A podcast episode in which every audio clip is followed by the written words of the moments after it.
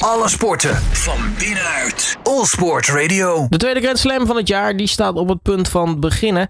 De eerste partijen in het eh, kwalificatietoernooi voor Roland Garros zijn inmiddels eh, gespeeld. Maar wat kunnen we eigenlijk gaan verwachten van het hoofdtoernooi? Ik ga erover praten met uh, tennisjournalist Jon Visbeen. Jon, hele goedemiddag. Ja, goedemiddag Robert. Um, ja, Roland Garros gaat natuurlijk uh, ja, eigenlijk weer beginnen. Sterker nog, eigenlijk zijn we al stiekem al een beetje begonnen. Want de eerste kwalificatiepartijen zijn, uh, zijn, uh, zijn gespeeld of zijn, zijn onderweg. Um, laten we bij de, de, de dames beginnen. Allereerst bij Roland Garros. Want wat, wat kunnen we daarvan gaan, gaan verwachten? Nou ja, goed. Wat de Nederlandse inbreng betreft is Arantxa Rus, die nog speelt deze week in Rabat in, in het toernooi in Marokko.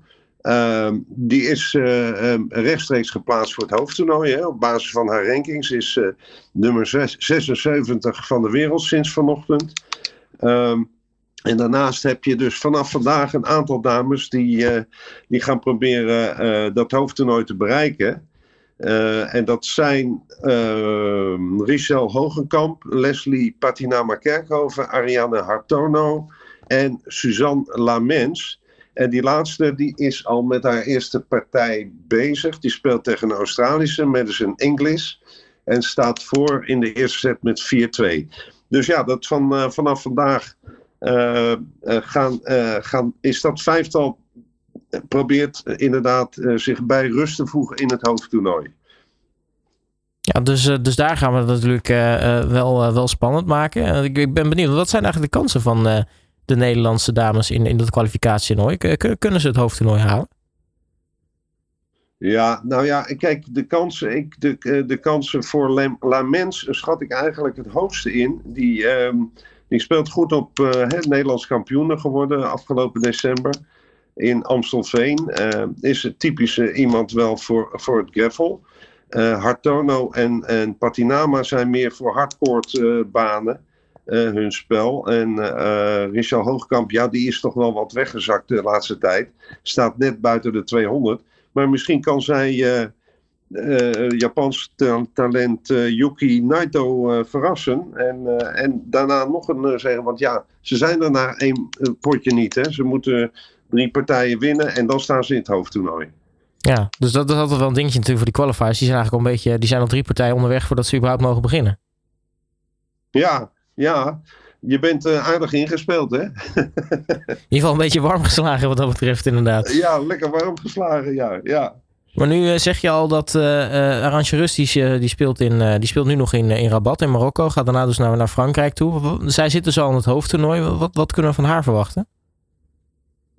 Nou ja, Arantja Rus is bezig met een eigenlijk een beetje wisselvallig seizoen. Hè. Ze, wisselt goede resultaten met slechtere af. Um, het is op gravel, het is toch haar ondergrond, uh, een geduchte tegenstander voor wie ook. Uh, maar ja, ze heeft in die Grand Slams tot nog toe niet altijd laten zien waartoe ze in staat is. Ik hoop dat ze daarmee kan afrekenen. Hè. Het zal ook een keer tijd worden in de zin van dat ze al jaren bezig is en ook een beetje op leeftijd begint te komen. Dus ja, het zou mooi zijn als zij, ze heeft ooit eens een keer van Kim Kleisters gewonnen op Roland Garros, dat ze tot een dergelijke stunt in staat is dit jaar. laten we daar een beetje op gaan hopen. En dan hebben we natuurlijk naast de Nederlanders natuurlijk ook nog gewoon de, de, de, toptennissers bij, bij de vrouwen. Um, ja, het is natuurlijk altijd een beetje eh, bij, eh, bij damestennis een, een, een, een soort van willekeur eigenlijk. Hè? Je, je kunt er niet echt een paal op trekken, want het zijn, er zijn altijd verrassingen. Dat maakt het vrouwentennis ook eigenlijk altijd zo leuk om naar te kijken. Maar eh, als we op dit moment nu kijken naar het hoofdtoernooi en wie er allemaal ingelood zijn, wie, wie, wie acht je nou echt de, de grote kansen toe? Nou ja, kijk, uh, het is zo, Robert, dat uh, Iga Swiatek, die Poolse, die heeft toch wel met ferme hand de, de zaak in handen genomen bij de vrouwen. Hè. Die heeft de laatste vijf toernooien waar ze aan deelnam, die heeft ze gewonnen. Ze is pas 20, staat nummer 1. Hè. Ze kreeg dus die nummer 1 ranking een beetje in de schoot geworpen. Omdat Ash Barty ermee stopte. Hè. Uh, na de Australian Open kondigde, kondigde die Australische dat aan. Dus hij kwam een beetje ja, pardoes eigenlijk op, uh, op nummer 1 te staan. Maar sindsdien heeft ze geen wedstrijd meer verloren. De laatste keer dat zij een, een partij verloor, dat was in februari in Dubai. Ze is al 28 partijen op rij ongeslagen. Dus ja, er is uh, niemand die meer uh, in twijfel trekt dat zij uh, momenteel de, de nummer 1 van de wereld is. dus ik schat haar ook. Ze heeft Roland Garros al een keer gewonnen. Dat was die ja, vreemde editie in de herfst van 2020. Die won ze. Ehm, ik, ja, zij is torenhoog favoriete. Ik bedoel, staat buiten kijf. Ja, ze is natuurlijk nog heel erg jong, maar al zo praktisch ongenaakbaar. is, is het er eentje van uh, wellicht uh, Serena Williams-achtige uh, ja, kwaliteiten, zeg maar, die, die ze echt nog wel langere tijd zo'n nummer 1 positie vast zou kunnen houden? Ja, dat, dat zou zomaar kunnen, ja. Want, want de ondergrond maakt voor haar niet zo gek veel uit. Hè? Ze, won, ze won in Miami en, en Indian Wells op hardcourt.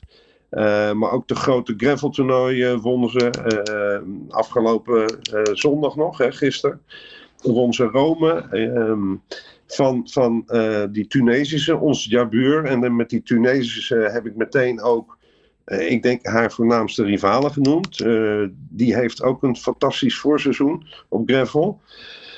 maar ja, die schat ik toch wel erg hoog in, allebei, als het om de titelkansen gaat bij de vrouwen. Dus dat, eh, dat wordt heel erg interessant. Uh, als we dan naar eh, de mannen toe gaan, uh, beginnen we met de Nederlanders natuurlijk.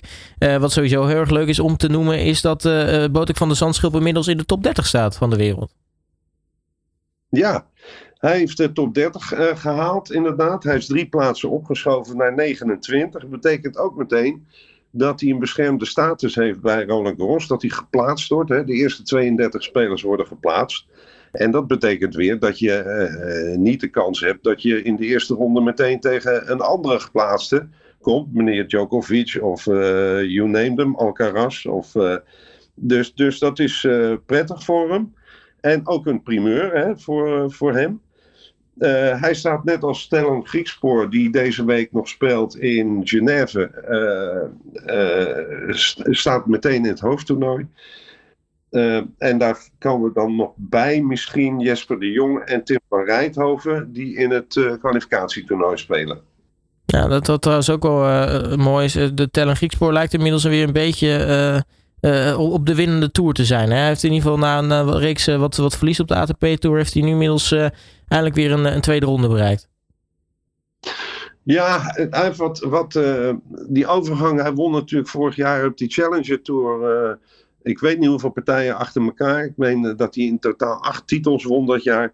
Uh, in 2021. En hij heeft toch wat moeite gehad om uh, aan te klampen op het hoogste niveau. Hij won nog een, een rondje in, bij het ABN AMRO toernooi. maar daarna ja, stagneerde het. En op zijn geliefde gravel ehm, moest, hij, moest hij noodgedwongen een paar toernooi afzeggen wegens een nekblessure. Een beetje een merkwaardige blessure. Maar uh, ja, hij heeft nu uh, eindelijk weer een, een, potje gewonnen. En een goede partij tegen Tommy Paul, een uh, Amerikaan. Nummer 34 van de wereld. Dus ja, dat geeft de burger moed. Hij, hij, doet dat in Genève. Hij kiest ervoor om toch nog een toernooi te spelen voor Roland Garros. En dat komt vooral omdat hij natuurlijk te weinig wedstrijdritme heeft kunnen opdoen. Ehm, nou ja, wie weet uh, wat we van hem kunnen verwachten straks. Ja, en dan uh, bood ik van de Zandschulp. Kijk, daar vind ik het natuurlijk altijd leuk om over te hebben. Want hij is en mijn leeftijdsgenoot en mijn dorpsgenoot. Dus ik, ik ken hem al vanaf vroeger. Maar uh, bood ik, het blijft maar doordenderen eigenlijk op die, op die wereldranglijst. Waar, waar, waar ligt zijn top nou eigenlijk? Um, ja, dat is moeilijk natuurlijk aan te geven. ik, ik had gedacht inderdaad vorig jaar toen hij die doorbraak maakte hè, naar de US Open, daar de kwartfinale. En dat hij de top 100 indenderde werkelijk met, met een noodvaart. Toen dacht ik van nou, hij kan, hij is natuurlijk geen 18, hij is 26. Hij kan volgend jaar die lijn doortrekken en misschien die top 30 halen. Nou, het is mei en hij staat al in die top 30. Dus de vraag is inderdaad, als hij, als als het, je moet ook een beetje geluk hebben, maar hij heeft laten zien hij heeft een, uh, uh, dat hij op gravel toch ook heel goed kan tennissen. Hè? Hij, hij, speelde de finale van München. die hij helaas moest opgeven vanwege ademhalingsproblemen. maar hij heeft toch wel aangegeven dat hij, als, als die swing er is, dat hij van menigeen kan winnen. En ja, dat hij ook op Roland Garros kan hij heel ver komen. Ja, dat, uh, dat, dat moeten we sowieso in de gaten gaan houden. En als we het hebben over uh, nou ja, de, de, de buitenlandse tennissers natuurlijk. Uh, nou ja, Djokovic is er sowieso niet bij natuurlijk. Maar, maar wat kunnen we dan gaan verwachten van het, van het toernooi? Want Djokovic, daarover gesproken, ja, die liet toch ook in Rome weer zien hoe fantastische tennis daar nou eigenlijk is. Je, ja, je bedoelt de, de titelfavorieten voor... voor Roland Garros? ja, uh, ja, dan moet je toch Djokovic inderdaad noemen, die, uh, uh, die een heel indrukwekkend Rome heeft gespeeld afgelopen week. En dat won van uh, Tsitsipas in de, in de finale. Um, um, maar je moet toch ook die Alcaraz, Carlos Alcaraz niet uitvlakken. Ik bedoel, 19 jaar en die won van Djokovic in Madrid. En, en, ik heb nieuws voor je. Djokovic wilde die wedstrijd echt heel graag winnen. Maar, maar dat lukte hem toch niet. Dus dat geeft aan dat die Alcaraz, die ook uh, met twee titels op, op gravel, dat hij uh, ja, tegen dat topniveau uh, aanhikt. De, enige vraag is natuurlijk of zo'n jonge jongen zeven wedstrijden, best of five in twee weken aan kan. Dat is nog een beetje koffiedik kijken. Zijn veelgeroemde landgenoot Nadal ja, die, uh, die kreeg twee keer klop hè, op, op weg naar, uh, naar de eindstrijd. Uh, en en hij had een ribblessure, had een rib gebroken. kwam uit de lappenmand. En, en de vraag is, eerlijk gezegd, of hij in staat is om weer een keer te winnen op, in Parijs. Ik, ik heb zo mijn twijfels. Ik beschouw hem als een outsider, en maar niet als een absolute favoriet. Nou, en dan heb je natuurlijk verder heb je, uh, wat ongewis is, hoe is het met Daniel Medvedev? Hè? Die, uh, die heeft uh, zich laten helpen aan zijn rug, een, een hernia. En nummer twee van de wereld natuurlijk toch. -huh. hoe is het met hem? Hij heeft, hij heeft niet gespeeld in de aanloop naar Roland Garros. Dus ik heb daar ook niet al te hoge verwachtingen van. Nou, dat wordt dus heel erg afwachten wat dat gaat brengen. Um, we zijn in ieder geval klaar voor, denk ik. Want vanaf komende zondag begint natuurlijk het, eh, het hoofdtoernooi. Eerst moeten we even afwachten wat er met de qualifiers natuurlijk uh, gebeurt. En of we er misschien wel een Nederlandse of een Nederlander extra bij hebben in het, uh, in het hoofdtoernooi. Um, Jon Visbeen, mag ik je hartelijk danken voor je tijd. En uh, spreek je natuurlijk snel weer. Ja, graag gedaan, Robert. Alle sporten van binnenuit. All Sport Radio.